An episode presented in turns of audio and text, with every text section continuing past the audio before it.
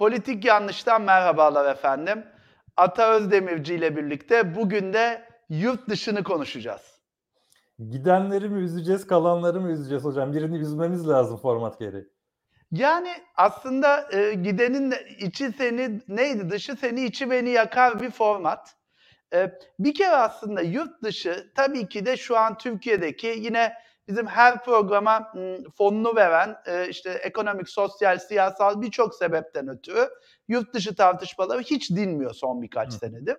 Ama aslında şuradan başlamak lazım. Yurt dışı versus yurt içi diye tekil bir şey yani yurt dışı dediğin 200 farklı ülke var ve yani birbirine siyahla beyaz kadar e, birbirinden siyahla beyaz kadar farklı yurt dışı deneyimleri elbette mümkün. Ama biz tabii ki de Türkiye merkezli düşününce hani yurt dışı deneyimlerinin tümünün birbirine benzeyeceğini düşünüyoruz. Hı hı. Ben 6 yıldır yurt dışında yaşayan birisi olarak ve bu evet, gitmeyi de yapmış birisi olarak söz sende. Biraz Nedir kafa abi? ütüleyebilirim bugün hocam. Bir insan nasıl karar verir bu kadar radikal bir şeye?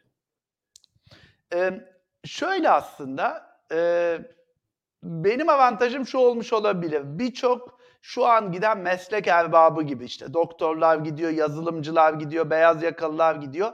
Ben de zaten bir beyaz yakalı olarak çalıştığım şirkette e, bir ofisten İstanbul ofisinden Dubai ofisine gittim. Terfi Bu, alarak gittin galiba bir de değil mi? Evet terfi alarak gittim. Ama şöyle hocam yani e-mailin aynı kalıyor, laptopun aynı kalıyor, şirket kartın aynı kalıyor. Efendim konuştuğun insanların yüzde yetmişi belki aynı kalıyor. Gündelik meşgalen birbirini çok andırıyor. O yüzden de benimki ve bazı meslek erbaplarınınki aslında görece kolay geçişler oluyor. Bunu Peki şey rakam söylenmez ama çarpı bir buçuk mu oluyor gelirin, iki mi oluyor, üç mü oluyor? Yani dolar cinsinden çarpı ne oluyor gelirin? Ee, şöyle oluyor aslında. Dubai istisnai bir durum. Hı hı. Şundan istisnai burada gelir vergisi alınmıyor. Gelir vergisi alımı Türkiye'de bir beyaz yakalıda gelir vergisi almadığından zaten çarpı 1.7 falan oluyor maaşın. Hı hı. Ee, e, onun dışında zaten e, oranların da yüksek olduğu bir e, ülke. Yani Türkiye'den e, herhalde ortalama 3 ve üstü kat gelirle geçilebilecek bir yer. Ama ee, harcamaların çarpı 3 olmasa da çarpı 1,5 çarpı 2 gibi artıyor gibi olabilir. Ben aslında ben aslında burada yani şeyde e, hat, e, açık olmakta hiç sıkıntı görmüyorum. Hatta bunu da önemsiyorum. E, 1 lira kazanırken 3 lira kazandım. Harcamalarım da muhtemelen 2'ye çıktı. Hı hı. Ve 1 lira tasarruf edebildim. Yani Türkiye'deki gelirim kadar tasarruf edebiliyorum. Okey. E, o yüzden de e, anlamlı bir şey oluyor ekonomik olarak. Ama ben aslında biraz bu yolculuktan bahsedeyim. Yolculuğun bir yerinde tekrardan ekonomik durağı da ziyaret ederiz. Bu kararı nasıl alıyorsun? E, Birçok beyaz yakalı için ki bence yakın döneme kadar en kolay gidenler beyaz yakalılardı. Zaten çalıştığı şirkette ya da çalıştığı sektörde geçiş yapıyor. Ve gerçekten de işte konuştuğu insanlar, yaptığı iş, e, ne bileyim takip ettikleri gündem neredeyse hiç değişmiyor. Hı hı. Bir de e, muhtemelen yani senin şu an oturduğun bir üniversite e, kampüsü işte Amerika, İngiltere, Fransa'ya ya da Afrika'ya gittiğinde radikal ölçüde değişiyor olabilir. Fakat plaza koridorları birbirine çok benziyor hocam. Yani neredeyse hiçbir şey değişmiyor yaşamsal olarak. E, hiyerarşiler birbirini andırıyor. Yapılacak işler birbirini andırıyor. O sebeple e, bu geçişi düşünen ya da değerlendiren insanlar için şunu söyleyebilirim. Kurumsal, çok uluslu kurumsal şirketlerde bir ülkeden diğer ülkeye geçiş, olası diğer geçişlere göre en kolayı. Yani bir doktorun Türkiye'den yurt dışına, bir akademisyenin, bir girişimcinin, e, bir devlet memurunun geçmesinin daha zor olacağını düşünüyorum. Peki Eee, bu geçmenin bir yandan gurur verici tarafı da var. Şöyle, yaptığın işin evrensel olması bir yana, eee, hem evrensel bir meslek sahibi olmak, bütün dünyada geçerlilik sahibi bir mesleğinin olması hem de başka bir ülkeden, eee, kabul görebilmek, hem meslek meslek erbabı olarak kabul görebilmek çok gurur verici bir şey. Peki bu gurur yüzünden de acaba, eee, bazılarımız ekstradan kanıyor olabilir mi? Yani Evet. değer görme isteği aslında e, bu seçim kriterini şaşırtıyor olabilir mi? Kesin öyle. Yani ben bunu gerçekten tam dediğin gibi hissettim hocam. Yani burada e, hiçbir şey olmasa işte aynı şirkette, aynı yazılım şirketinin İstanbul ofisinden Dubai ofisine geçtim ama e, toplantılarda konuştuğun dilin İngilizce olması, e, senin için işte alelade olan bir İstanbul örneğinin buradaki insanlar için belki ilgi çekici olması ya da e, Türkiye'de alelade sayılabilecek kimi deneyimlerin e, uluslararası pazarda saygı görmesi e, bence Hmm. bir gurur veriyor. O sebeple şunu da söylemem gerekiyor. En başta dedim ya, yurt dışı bütünsel bir paket değil. E, Türkiye'de elde ettiğin kimliğin ne kadar değer gördüğü, hangi ülkeye ne kadar gör- değer gördüğü çok önemli bir kriter. E, Avrupa'da bence ki bunun kökenlerini az çok tahmin edebiliriz. Yani 1950'lerden 60'lardan beri Avrupa'ya yoğun göç veriyoruz ve Avrupa'daki Türk kimliğinin karizması çok yüksek olmayabilir.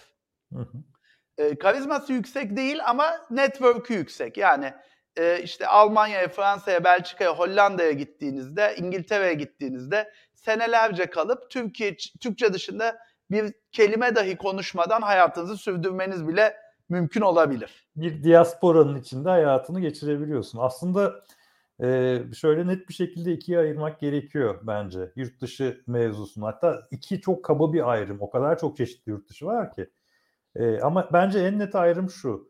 Sen yerleşik ve baskın bir kültürün içine azınlık olarak mı gidiyorsun? Yoksa zaten e, Dubai gibi, ne bileyim New York gibi zaten uluslararasılaşmış, Londra gibi zaten uluslararasılaşmış. Yerlisini zor bulduğun yere mi gidiyorsun? Bu bile çok Doğru. önemli. E, bu kesin bir ayrım. E, iki yani kesin ayrımı da şundan e, yine ayırt edebilirsin. Gittiğinde çoğunluk iş arkadaşların ve sosyal arkadaşların e, birinci dillerini mi konuşuyorlar? Yoksa birçok kişi gibi dünyanın farklı yerlerinden gelinmiş ve ortak bir dilde mi birleşiliyor? Hmm. Bu bile bu bile belirleyici oluyor. Yani burası bir Arap ülkesi ama neredeyse herkesin ikinci dili olan İngilizce de ortaklaşılmış. Hı hı. O sebeple de yani buranın yerleşik kültürünün zaten çoğunluk dışında. Bir Benzerini dediğim gibi çok az hissediyorsundur yerleşik kültürün. Ya çok çok gerçekten çok farklı bir şey. Yani bir Disneyland gibi bir yer aslında orası değil mi? Bambaşka evet bir ya, gerçeklikten şöyle çok bir yer orası. e, bu yurt dışı bölümünün böyle bir 5-10 dakikasını spesifik Dubai'ye bile ayırabiliriz. Hı. Başka bir vaka çünkü. Fakat şunu yani bir dediğin gibi global bir hub noktasına mı gidiyorsun? Hı hı. Ki bence dünyada bu global hub noktalarını işte New York, Londra, e, Dubai, Singapur sanki bu dördüğünü sayabiliriz gibime geliyor. E, İstanbul'un bir dönem vardı umudu Orta Doğu'nun Dubai'nin aldığı bu pozisyonu alabilir mi diye 90'ların sonu Hmm. 2000'lerin başında bir umutlanmıştı. Olmadı ne yazık ki.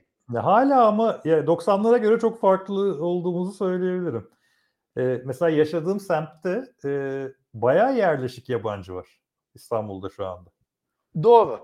E, şöyle Şeyde ama yok mesela mo- modada neredeyse hiç görmüyordum. Yani çok e, birkaç Hmm. bohem e, yabancı dışında modaya genellikle yerleşimi pek görmüyorum yabancılardan. Daha doğrusu karşı tarafa yani Fenerbahçe, Göztepe, e, belki biraz Fenerbahçe ama e, şu an oturduğum taraf e, Nişantaşı, Maçka, Şişli o bölgede göç etmiş e, ve bayağı uzun yıllardır burada yaşayan yabancılar var. Çok da farklı milletlerden.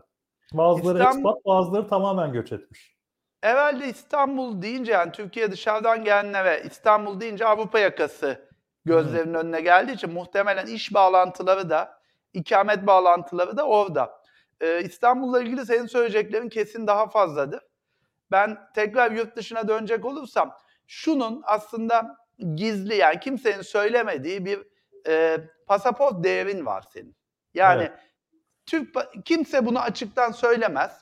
Ama şu an Türkiye'de mesela her ülkeden göçmen alıyor. Kimisi dediğin gibi ekspat olarak geliyor. Kimisi yerleşiyor. Kimisi de kaçak olarak geliyor. Ve aslında Türk toplumunda da bu e, kimlikler sıralanıyor.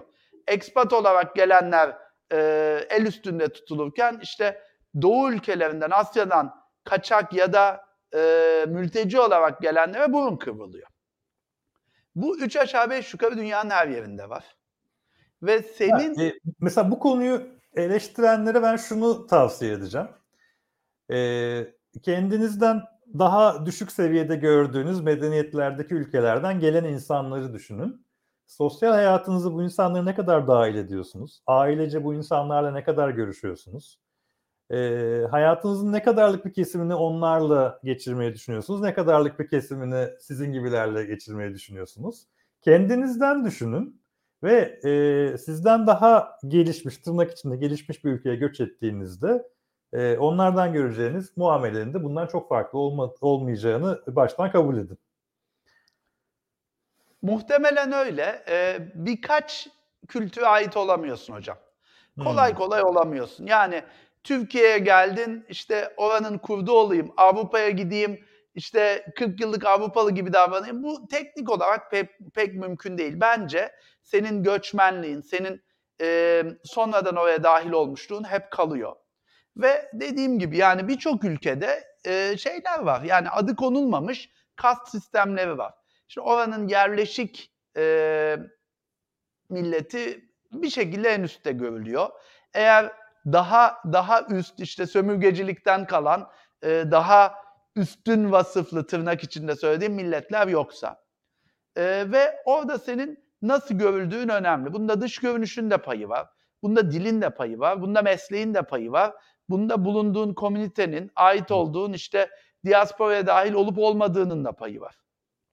Birkaç e, programda birden bahsettiğim bir şey oldu.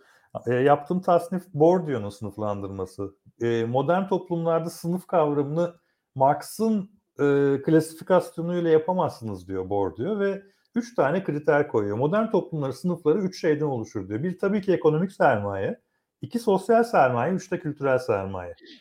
Şimdi yurt dışındaki bir ülkeye gittiğinizde özellikle de e, üniversite yıllarından biraz daha sonra gittiğinizde sosyal sermayenizi sıfırlamış oluyorsunuz ki hiç yabana atılır bir şey değil. E, kültürel sermayenizi yanınızda götürüyorsunuz ama bunun %60'ı yerli kaldığı için e, aslında kültürel sermayenizin %40'ını belki götürüyorsunuz. E, ekonomik sermayeye baktığınızda zaten daha yüksek gelirli bir yere gittiğiniz için ekonomik sermayeniz de aslında sıfırdan başlamış oluyorsunuz. Ne kadar maaşınız iyi gibi gözükse de.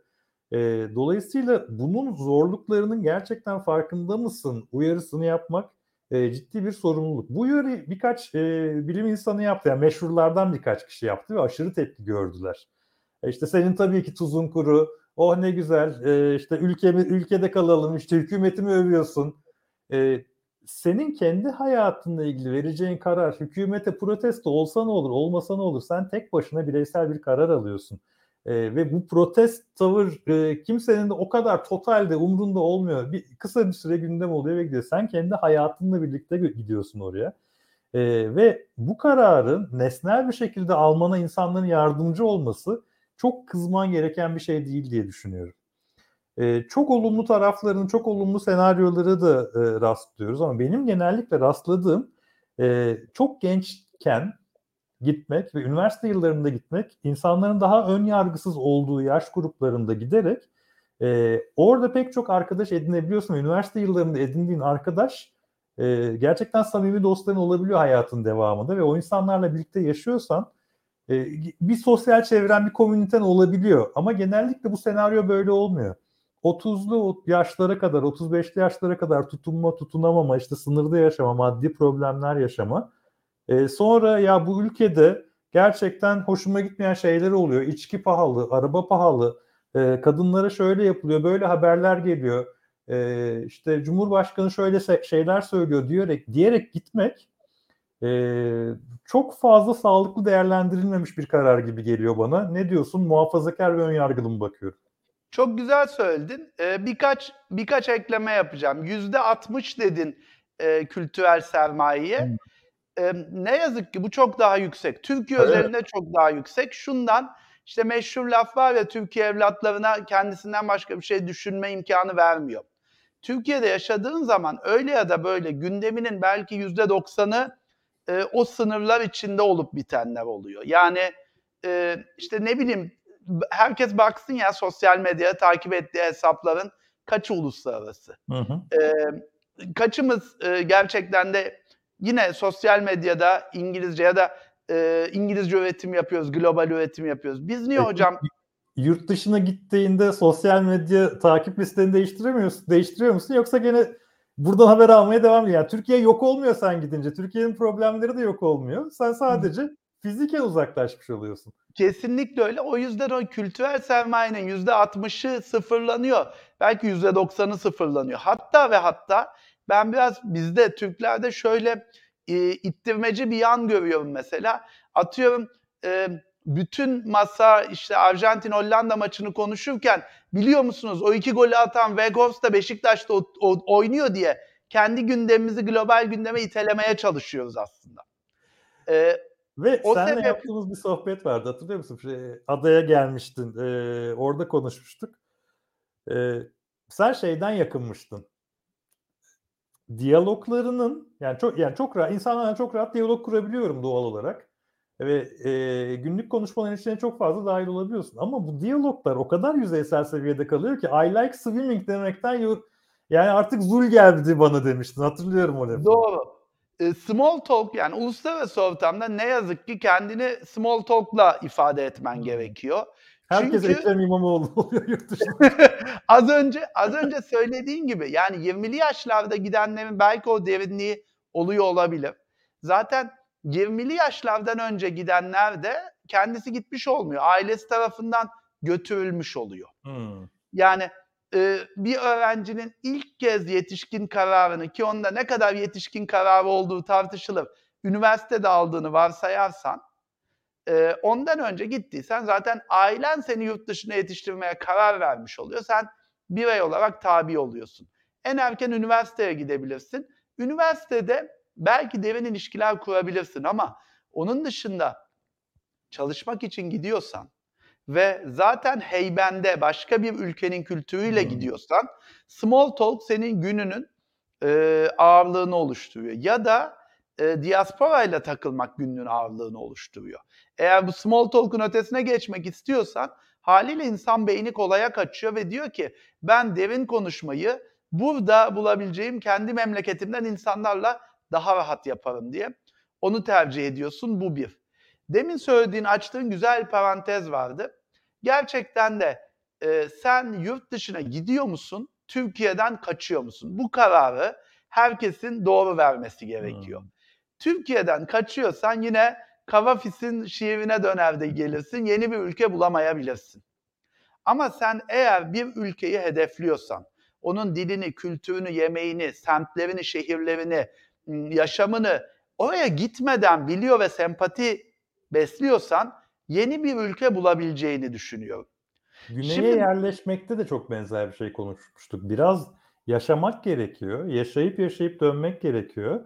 Eee, aylarını orada geçirmek gerekiyor. İnsanlarıyla temas etmek gerekiyor ve tatilden biraz daha uzun vakti geçirmek gerekiyor hakikati görebilmek için. Oradan sonra bu vereceğin karar çok daha sağlıklı olur diye konuşmuştuk.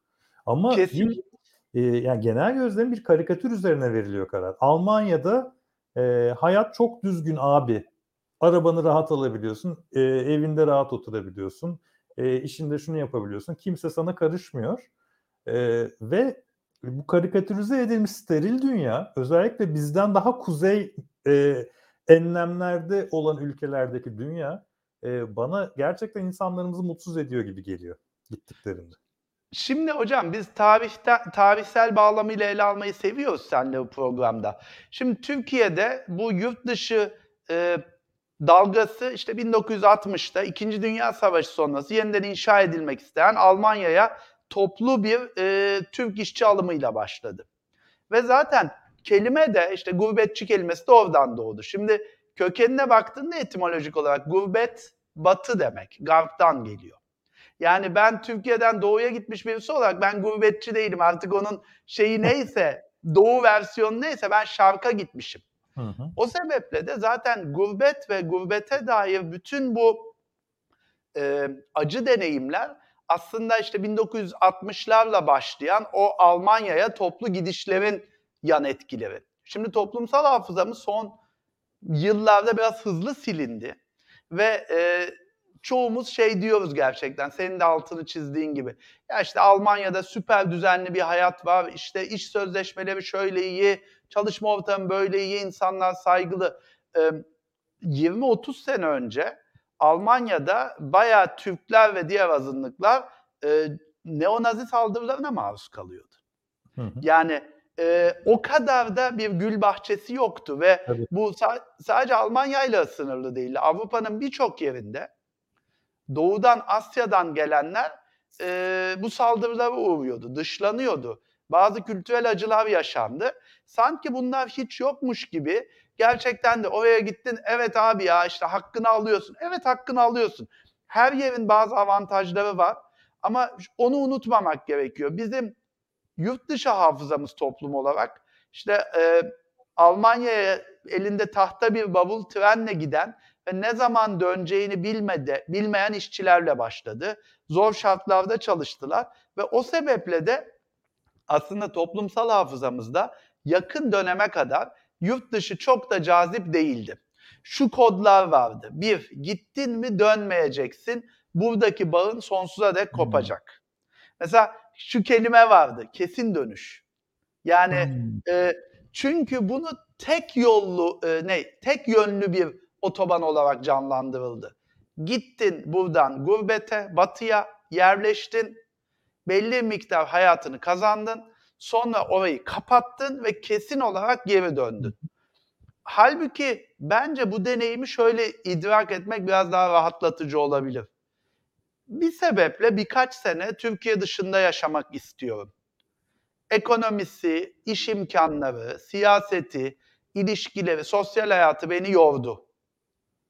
Böyle idrak etsek daha sağlıklı olabilir ama az önce Evet, senin hayatının son kararı gibi vermek, her karar için bahsediyorum. Hatta Bravo. seçtiğin işte dahil, evlilikte dahil, sevgililikte dahil. E, hayatının son kararı değil hiçbir kararın aslında. Bunu bir kere kabul etmek hayatını aslında daha kolaylaştırıyor. e, bütün senin herhalde biraz gizli öznede eleştirdiğin o karikatürler şey elinde pasaportla havaalanından işte şey tweetleri değil mi? Türkiye bir doktor kaybetti vıdı vıdı tweetleri. Ya hava Ya attığı belki- yer bile aslında burası. Yani gene aklında gene burası var giderken adamın. Heh, onu demeye çalışıyorum. Yani e, belki Türkiye işte o doktoru, o mühendisi, o yazılımcıyı kaybetmedi. Deneyim kazanması için o yazılımcı 5 sene Avrupa'da, 3 sene Amerika'da yaşayacak. Sonra belki gelecek başka bir deneyim yapacak. Yani hayatın ve kariyerin çok sıçramalı, çok e, geçişken bir yolculuk olduğunu unutmamamız gerekiyor. Gündemde erken emeklilik tartışmaları var ama unutmayalım yani emeklilik 40 yaşında edinilen bir şey değil artık. Kariyer 60'lara kadar gitti ve 20'lerinde 30'larında yurt dışına Türkiye'yi terk eden birisi muhtemelen kariyerinde birkaç yer daha gezecek.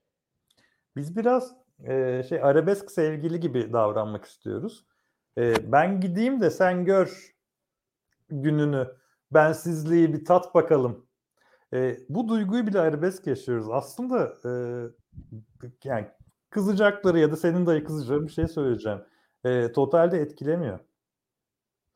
Totalde sen cezalandırmak istiyorsun ve e, şeyi de çok karikatür algılıyoruz. E, beyin göçü. Beyin göçtü, burada beyin kalmadı. E, oranlara, skorlara, istatistiklere, işte genel bir şeye baktığında aslında totaldeki etkisinin çok çok çok düşük olduğunu gözlemleyebiliyorsun. Bir yerde, birkaç yerde etkiledi. Yazılımcılar biraz etkiledi. O etki de yazılımcı bulamamak değil, yazılımcı maaşlarını yükseltmek zorunda kalmakla sonuçlandı. Yani işleri yapacak insanlar var. Ama çok fazla insan giderse burada kalan işlerini yapacak insanlar daha pahalıya bulunabilecek. Totalde Şimdi- sen ülkeyi cezalandırmıyorsun. Tekrar ediyorum arabesk bir sevgili gibi düşünmek çok sağlıklı değil. Kararı verirken sen sadece kendini düşünmelisin. Buranın canını ne kadar yakacağını düşünmek çok sağlıklı bir karar aldırmayabilir sana. Yıllar önce bak şuradan geleceğim. Bakalım uzlaşacak mıyız, çatışacak mıyız?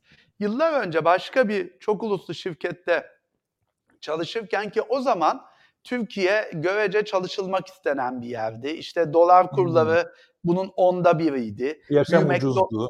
Büyümekte olan bir pazardı. Cool bir yerdi. Hı hı. E, ekonomi hızlanıyordu falan filan. E, ve dedi ki yani ben işte konuştuğum kişi hatırlamıyorum pasaportunu ama böyle işte e, Kanadalı bir anneyle işte ne bileyim İspanyol bir babanın Yeni Zelanda'da doğmuş Avustralya pasaportlu oğlu falan filan böyle karmaşık bir çok uluslu bir secereden olan birisi dedi ki ben dünyanın her yerindeki her memleketteki insanla her yerdeki pozisyonlar için iş görüşmeleri yapıyorum. Bir tek siz Türklerin sorduğu ilk soru pozisyon nerede? Hmm. Yani işin işin e, mahiyeti, kariyer olanakları, gelirinden ziyade sizin lokasyonla kurduğunuz bağda bir şey var dedi. Ee, Yani mantıklı bir soru değil mi? yani şöyle mantıksız demiyorum ama e, sanırım bizim için gidiyorum kelimesi biraz önemli bir kelime. Arabesklikte arabesklikten getirdiğin yerde bunu görüyorum. Hatta o zaman da e, benim de bayağı düşünmemi sağladı. Dedi ki siz dedi ailenizden kopamıyorsunuz aslında. Yani ailenizle başka şehirde, başka ülkede yaşamak bile bak ailem, bak anne baba gidiyorum ben gibi aslında oradan belki Freudian bazı Hmm. çıkarımlar bile yapılabilir. Gidenler yani meşhur Babam ve Oğlum filminde bile mesela gitmek ne kadar dramatize edildi. Hmm. Halbuki çocuk Ege'nin bir köyünden İstanbul'a gidiyor. Yani öyle o kadar da dönülmez bir yere dahi gitmiyordu. 5 sene sonra da zeytin yetiştirmeye dönebilir. Ee, yani hep hayatın son kararları. Ee, her kararı çok uçlarda yaşıyoruz. Terk etme, cezalandırma, acı çeksin Ee, ve en anlamlandıramadığım şeyi söyleyeceğim.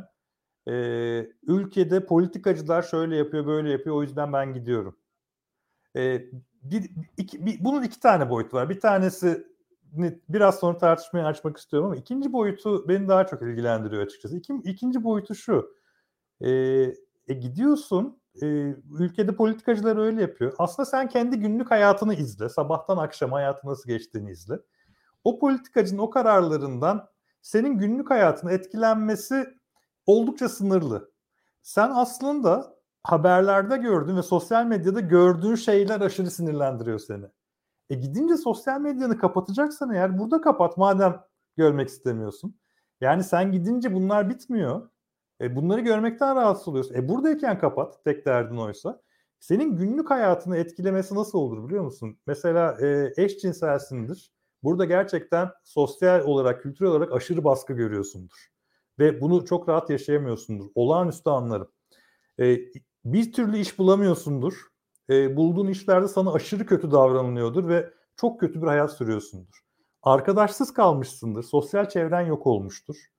E, sıfır zaten sıfır pozisyondasın. Sıfırdan başlamak bir zarar getirmeyebilir. Politik olarak riskli bir konuma gelmişsindir. Üst hakkında dava açılmıştır ve nereye gideceği çok da belli değildir. Okey. E, ki o bile tartışılır. E, ve ya çok çok çok önemli bir kariyer fırsatı a, almışsındır. E, e, o kadar da muhafazakarlık yapmayayım canım. E, biraz da cesur olmak lazım. Bir, bir karar alman gerekir. Bu versiyonların tamamı benim açımdan çok kabul edilebilir. Ama Şimdi, arabayı biraz daha ucuza alıyorum. İçkiyi biraz daha ucuza içiyorum. Ee, işte yolda insanlar artık üstüme üstüme geliyor. Ee, daha şey e, sakin bir caddede oturmak istiyorum. Ee, biraz seni gerçekten mutlu edecek kriterler değilmiş gibi geliyor. Ee, yok, yani burada resmin şey boyutlarını katılıyorum. Zaten bunu yaşadı Türkiye. Yani işte e, politik olarak kimi e, gerilimlerden, birikimli gerilimlerden ötürü ciddi bir Kürt nüfus, ciddi bir Alevi nüfus zaten zaman içinde mesela Türkiye dışında yerleşti. Muhtemelen 1980'den bugüne dek. Ee, işte zamanında yine inançları sebebiyle başka e, başörtülü öğrenciler ne kadar miktarda yurt dışına gitti bilmiyorum 1990'lı yıllarda ama e, sanki orada da bir trend oluştu gibi. Fakat Okumaya onun dışında, gittiler gibi gözüküyor. Okumaya gittiler ve döndüler gibi geliyor bana. Öyle gözüküyor, öyle gözüküyor.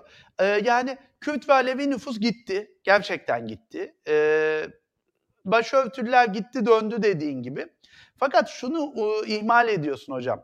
Umutları çalındığını düşünüyor insanlar. Hmm. Ve e, bu yani bugünkü daha iyi bir ev, daha iyi bir arabadan ziyade hiçbir zaman iyi bir evde oturamama, hiçbir zaman bir Hmm. araba alamamam, hiçbir zaman birilerine yanaşmadan kariyerinde yükselememe, e, hiçbir zaman efendime söyleyeyim işte bu hiyerarşiden, e, torpilcilikten kurtulamama gibi o umutsuzluk dehlizlerinden yeter ya diye çıkma ihtimalini küçümseme.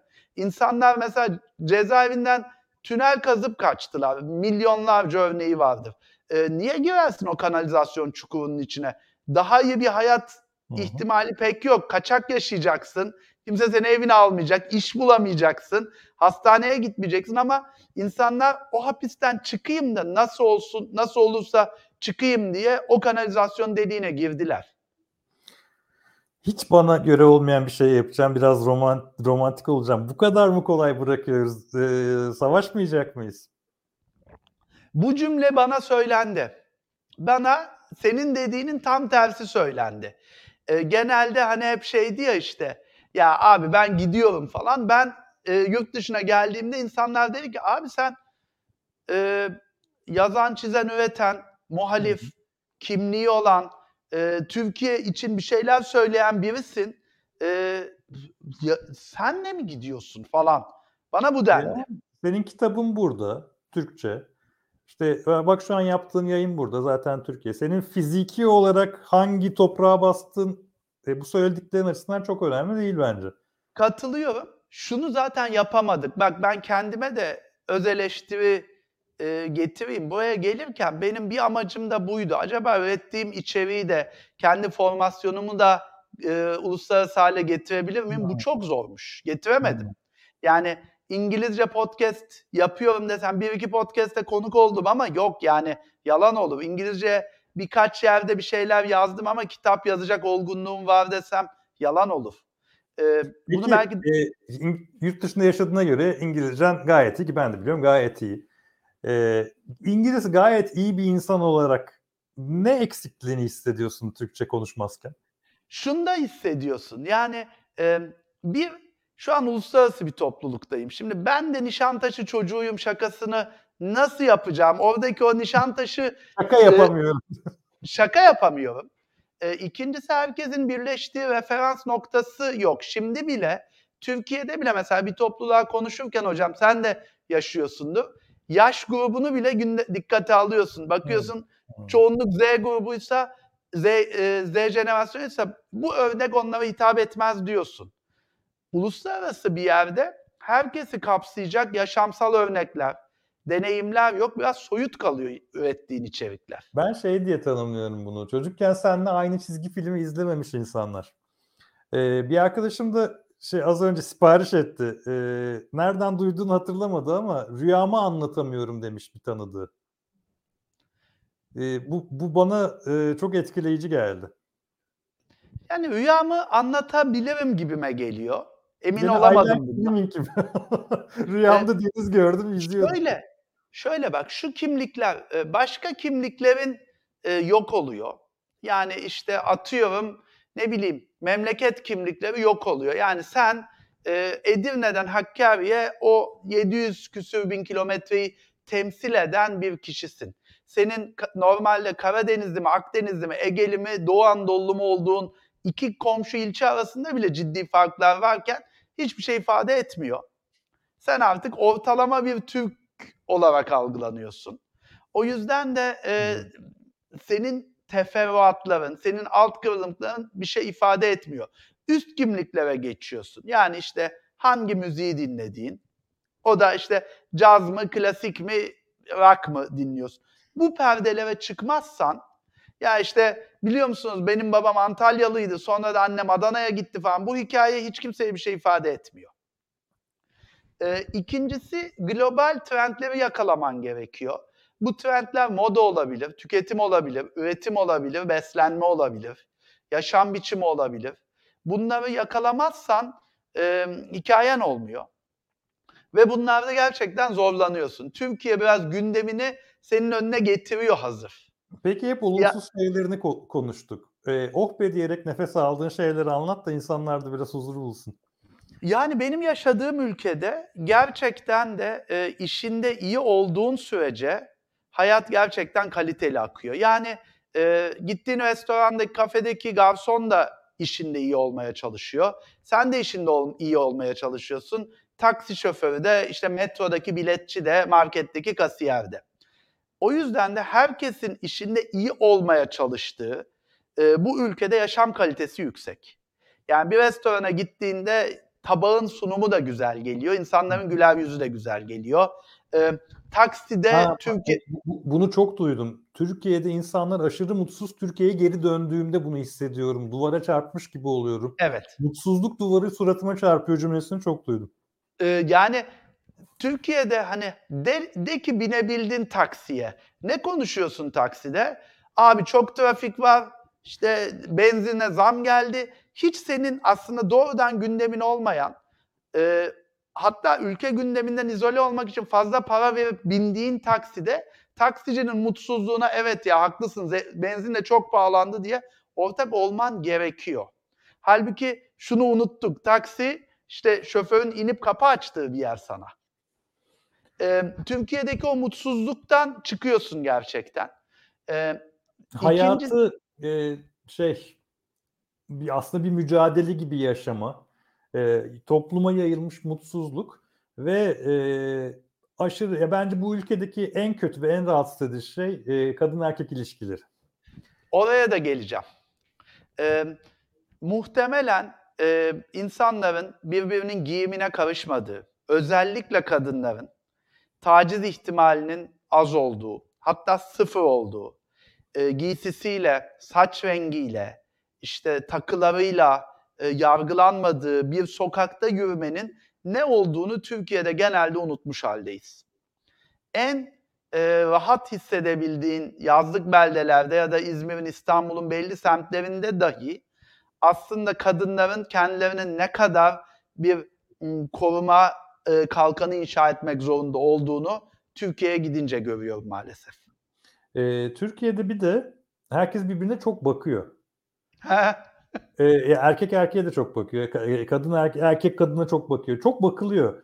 E, yurt dışında da ben turist olarak ancak konuşabilirim. E, görünmez bir insanla dönüşüyorsun. Zaten bakıyorsa Türktür büyük olasılıkla. Bunda haklısın. E, ve E, ben- va- yani hele bir de yer, yerel arkadaşların falan da yoksa ve ne, ne bileyim tek başınaysan görünmez adam gibi hissedebiliyorsun kendini. O da enteresan bir deneyim. Bu özellikle dediğin gibi Avrupa'da ve Avrupa'nın daha kuzeyinde acayip. Yani işte e, İskandinav ülkelerinde, Hollanda, Almanya'da, İngiltere'de tam olarak böyle. Yine ben bu ülkeye yönelik bir istisna söyleyeyim. E, yani bunda da tabii bir şey kapı kitlemek yok burada biliyor musun? Hmm. Kapı kitlemek yani e, algılayamıyoruz bunu. E, romantik bir şey hayali vardır ya işte bizim yazlıkta, bizim kasabada, bizim köyde kimse kapısını Herkesin kitlemezdi. kapısı evet. E, bunu şehir yaşamında yaşayabiliyorsun burada. Bu çok, Gerçekten çok şaşırılacak bir istatistik vereyim. Suç oranının oldukça düşük olduğu şehirlerden biri İstanbul nüfusa oranla. e, nüfus yüksek diyedir bence. Yani Evet, evet örneklem ama- büyük. Ama bu yükseklikteki nüfuslardaki dünyanın diğer şehirleri İstanbul'dan çok daha fazla suç içe- içeriyor. Ben onu şöyle hatırlıyorum aslında. Bir ara istatistik tutmamasının bunda tabii ki payı vardır da o kadar da Onun değil. da, onun da payı vardır da bir ara hatırlıyor musun hocam? Yaklaşık 20 sene önce 2000'lerin başında böyle ciddi kapkaç çeteleri falan türemişti. Evet. Tıpkı bu Brezilya'daki, Güney Afrika'daki e, çeteler gibi. Türkiye yine bence şahsına münhasır bir şeyle polisiye yöntemle çözdü. Yani e, bayağı o zaman çok da tartışılmıştı kapkaççılara işte işkenceler yapılmalar falan filan. O 4-5 yöntemle tane çözüldü. çeteydi çünkü. Toplum tamamına yayılmış bir şey değildi. 4-5 tane çeteyi tamamen çökertince kapkaççılık çöktü. Mümkün. Bilmiyorum. Elimde veri yok. Ama dediğin şeyde haklısın. Yani işte Brezilya'nın, Güney Afrika'nın ya da işte Latin Amerika'nın gettoları gibi bir gettolaşma yok bizde. Ee, ekonomik olarak ya da yerleşim olarak varsa bile suça dönüşmüyor muhtemelen. Biz yine e, Türkiye bizi kendi gündemine çekti. Yurt dışına dönecek Aha. olursak e, şunlar da bana ilginç geliyor. Hadi biraz ilginç gelenleri söyleyeyim. İngilizcen ne kadar iyi olursa olsun yani e, bir kelime ağzından çıkan bir kelimede karşındakinin Türk olduğunu anlıyorsun. Senin de Türk hello demen yeterli. Aynısını bir süre sonra tüm aksanlarda da anlıyorsun. Yani Hmm. hello diyen Fransızı, İtalyanı, Almanı, Türk'ü, Arap'ı, İranlıyı, Rus'u yani beş kelimede anlayabiliyorsun. Ee, fakat bizi çok stres yapan bir şey var. Yani işte bizim İngilizcemiz iyi değil mi? Ee, kimsenin İngilizcesi iyi değil. Çünkü İngilizce o ağza göre uyarlanmış yıllar içinde. Bizlerin dili ve yaşam biçimine göre uygun değil ve herkes aksanlı konuşuyor. Buradaki çoğunluğun ikinci dilinin İngilizce olması aslında o açıdan rahatlatıcı bir etken. Başka bir problem var. Bence insanlar bunu da çok göz ardı ediyor. Ee, örneğin İtalya'ya gittiğinde, Almanya'ya gittiğinde, e, işte ne bileyim İspanya'ya gittiğinde, İsveç'e gittiğinde İngilizce konuştuğun insanlar seninle İngilizce konuşmak zorunda kalıyor ve aslında belki de çok üşenecekleri bir şey yapıyorlar. İngilizce temas kurmak zorunda kaldığı ekstradan yorucu bir insansın onlar için aslında. Hocam ben bir kere İspanya'da taksiye bindim ve bir kelime İngilizce bilmiyor. Bir kelime. Uğraştım biraz. Hiçbir işe yaramıyor. Türkçe konuşmaya başladım. Çünkü dedim ki vücut dilim, vurgularım, mimiklerimle daha iyi bir anlatım sağlarım. Yani adama böyle bağırarak anlamadığı İngilizce kelimeler söylemek yerine kendim 40 yıl boyunca olgunlaştırdığım Türkçemle anlattım. Daha rahat iletişim kurduk. E, Tayland'da aynı şeyi ben yaptım. İngilizce konuştum. İnsanlar çok kibar orada. E, seni anlıyormuş gibi yapıyorlar ama anlamıyorlar. Bir yerde üçüncü günden sonra aynı şekilde İngilizce büyük oranda bıraktım. Türkçe devam ettim. Yani Türkçe anlatarak menemen yapmayı öğrettim Taylandlı aşçıları. Onu demeye çalışıyorum. Taksici işte ikinci sokaktan sağa gir e, vücut dili, mimik ve özgüvenle anlatmak kolay. Yani second right falan derken elin kolun beyninle o kadar senkronize çalışmayabiliyor. E, bir de ben hmm, bir yerde görmüştüm. Roma, İtalya'da bir köyde mi ne yazmışlar. Hoş da böyle biraz şey romantik internet paylaşımları gibi de köyün girişinde şey yazıyormuş. Bu köyün özelliği şudur, bu köyden dünyanın her yerine gidebilirsiniz diye. Şimdi e, yurt dışına çıkmanın da bence öyle bir avantajı var. Bir kere çıkınca Türkiye dahil dünyanın tüm ülkeleri sana aynı uzaklıkta oluyor. Hmm. Türkiye'deyken ev mi dışarısı mı diye düşünüyorsun. Ama bir kere dışarıya çıktıktan sonra bütün dünya senin memleketin oluyor, daha erişilebilir oluyor. Bu deneyimi bir kere yaptıysan ikincisi asla o kadar zor olmuyor. Hiçbir yer seni o kadar gittim mi kaldım mı, salçayı özledim, işte Türk mezesini özledim, rakı bulamıyorum. Nerede kaldı bizim işte ezan sesimiz, ah Türk kahvesinin güzeli kalmadı falan. Bu e, romantizmden, bu nostaljiden bir kere sıyrılıyorsun. Ve aslında evet yani senin birebir aynı turşu, birebir aynı salça belki yok ama yani şunu da unutma. Dünyadaki işte 80 milyon kişi dışındaki diğer 7 milyar 900 bilmem kaç kişi de o turşusuz yaşıyor. O turşudan ka- e, mahrum kalmak o kadar da insanı mahvedecek bir deneyim değil. Ee, az konuşulan mevzulardan birisi var ki bence bu ayrı bir program yapmalıyız buna. Ee, kadın olmak çok konuşulan bir şey ya. Erkek olmak. Ee, Türkiye'de bir erkeksen aslında e, toplumun pek çok anında, hayatın pek çok anında avantajlıymış gibi gözüküyor dışarıdan. Ama aslında erkeklerin negatif ayrımcılığa uğradığı çok fazla yer var. Şimdi şey diyor, ay canım, ay çok da erkeklik dertleri varmış demeyin. Ee, sadece cinsiyetin nedeniyle aslında senin orada bulunmandan hoşlanılmadığı, e, tek başına gezen bir erkeğin e, hoş karşılanmadığı, garip karşılandığı, e, rahatsız edici olduğu bir kültür aslında burası. E, ve burada e, yurt dışında kadın olmak işte e, işte yurt dışında yaşayan bir kadın olmak, işte Türkiye'deki gibi rahatsız edilmiyorsun şu bu. Yurt dışında erkek olmak ve Türkiye'de erkek olmak arasında nasıl bir fark koyabilirsin? Yani buna katılıyorum. Bu programın adı politik yanlışsa bunu rahatça söyleyebilir, söyleyebilmeliyiz. Yani tarihsel altyapısı ya da sosyal altyapısı neyse, ne olursa olsun damsız girilmez Ne büyük bir ayrımcılık. Bunun farkında mısın hocam? Yani e, bu bu gerçekten şimdi senin seveceğin bir şey söyleyeceğim. E, Türkiye'de e, işte barların, gece kulüplerinin, restoranların kadın erkek dengesi nasıl sağlanıyor? İşte damsız girilmez kuralıyla sağlanıyor. Bu ceza sistemi. Yani hı hı. eğer yanında yanında e, kadın oranı eşit bir grup değilsen ya da eşite yakın bir grup değilsen alınmıyorsun, cezalandırılıyorsun. Burada ödül sistemi var hocam. E, Ladies Night diye bir konsept var. Aşağı yukarı her mekan haftada iki gün e, Ladies Night yapıyor. Ve kadınlara giriş ve içeride içecekleri ilk birkaç içki bedava.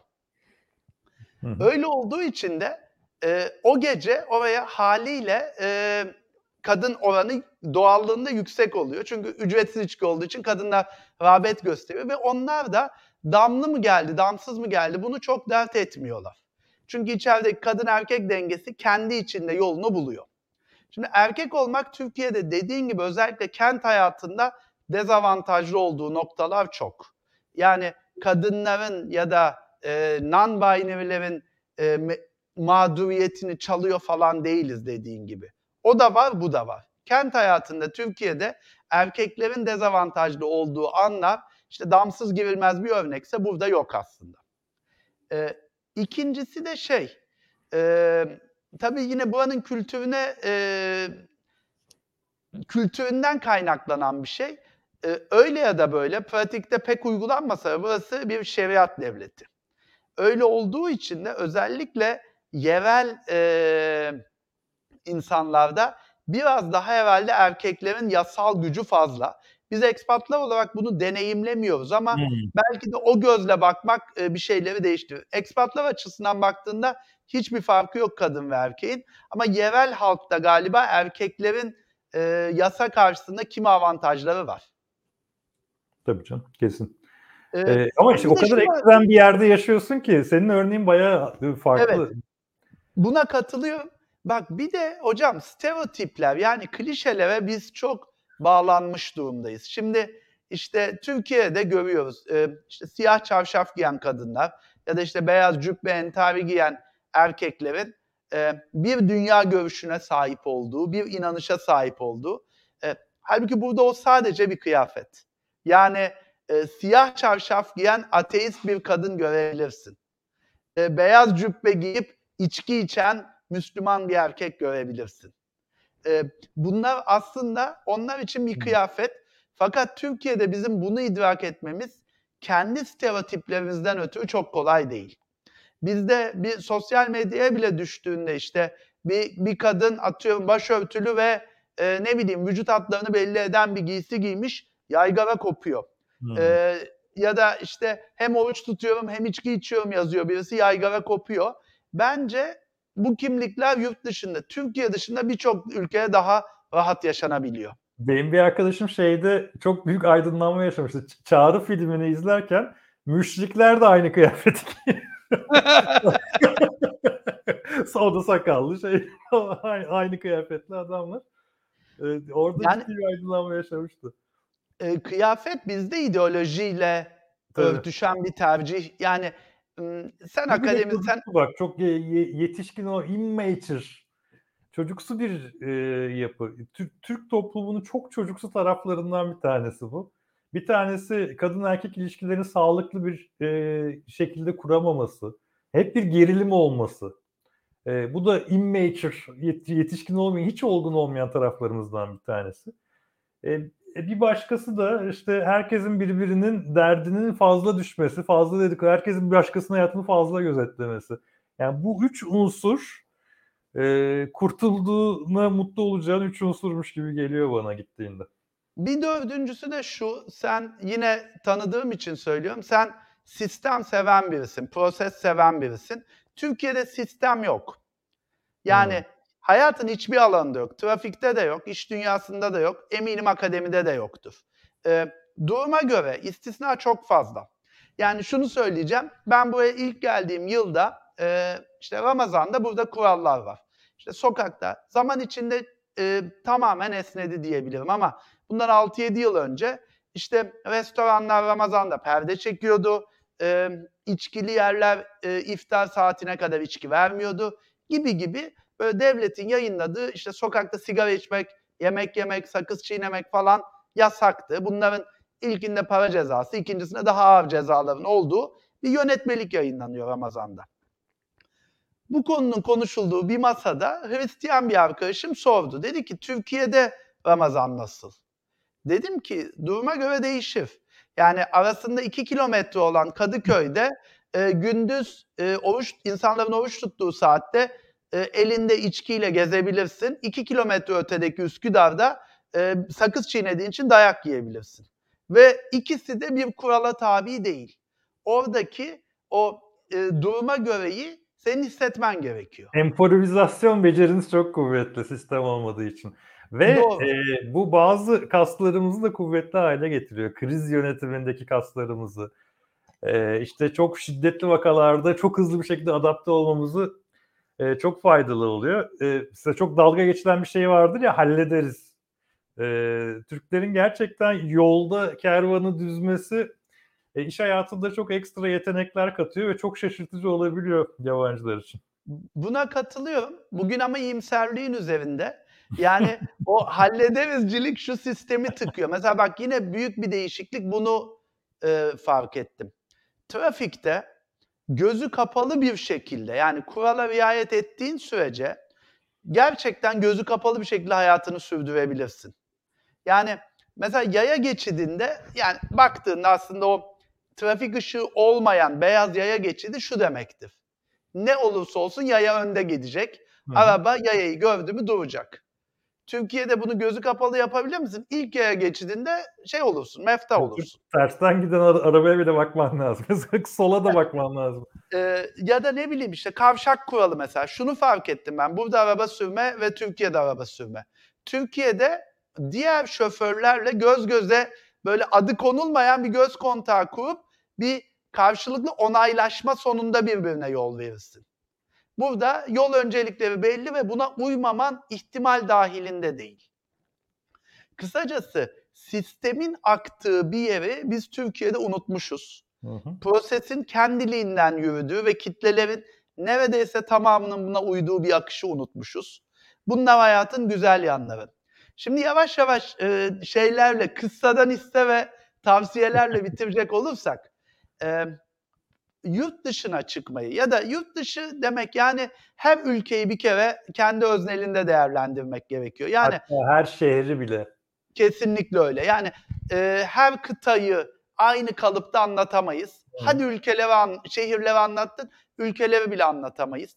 Gittiğiniz ülkeyi tanımadan gitmek büyük bir kumar. Yani e, diliyle, kültürüyle, yabancılara bakışıyla tanımadan gitmek büyük bir kumar e, ne pahasına olursa olsun gitmek büyük bir kumar.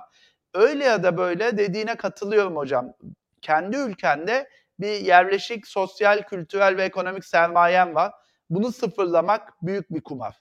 Öte yandan e, ne kadar risk alırsan getirisi de o kadar büyük olabiliyor. Deneyim olarak, çevre olarak, e, açılacak önüne fırsatlar olarak e, kendi kalıplarının içinde kalmaktansa yeni coğrafyalara, yeni iklimlere gitmenin önemine ben de inanıyorum. Ee, gidenlerden de yani beni en çok zenginleştiren anlar insan tanıdığım zamanlar oldu. Ee, ve de şunu da fark ettim. Ee, yani bundan 20-25 sene önce internetin ilk zamanlarında da insan tanımaya çok meraklıydık. Sonra yine döndük yankı odalarına. Yurt dışına çıkınca da ilk başta bir insan tanımaya hevesleniyorsun. Ondan hmm. sonra yine kendi küçük konteynerına dönme eğilimi oluyor. Birçok örnekte bunu gözlemledim. Halbuki bu yeni insan, yeni çevre, yeni ilişki, yeni vizyon edinme iştahını koruyanların hep daha başarılı, daha mutlu ve daha az acı çektiğini görüyorum. Süper. Ee, ben de muhtemelen bu 50 küsur dakika boyunca çok muhafazakar gözüktüm insanlara. Çok tutucu gözüktüm bazı konularda. E, gerçekten de azıcık muhafazakar, hatta milliyetçi, hatta romantik, e, hatta e, neden ki ama neden ki romantizmini yaşadığım konulardan bir tanesi bu. E, bir şeyden bahsetmiyorum bile. Bu ülke sana emek verdi, sana bedava okul okuttu, bu ülkeye borcun var. Ee, biraz çağ değişti aslında tam olarak öyle bakmamak lazım. Ee, ama e, zannettiğin mutluluk e, kriterlerini iyi tasnif edememiş olabilirsin. Bu bir. İkincisi e, Aziz Nesin'in oğlu Ali Nesin e, uzun süre e, Amerikan iyi üniversitelerinden bir tanesinde matematik hocalığı yaptı ve en son şöyle şöyle söylemişti. En son bir yabancılaşma duygusu hissettim. Ben bunu niye yapıyorum? Benim mezun ettiğim çocuklar CIA'ya giriyor, FBI'ye giriyor. Benim varlık sebebim ne?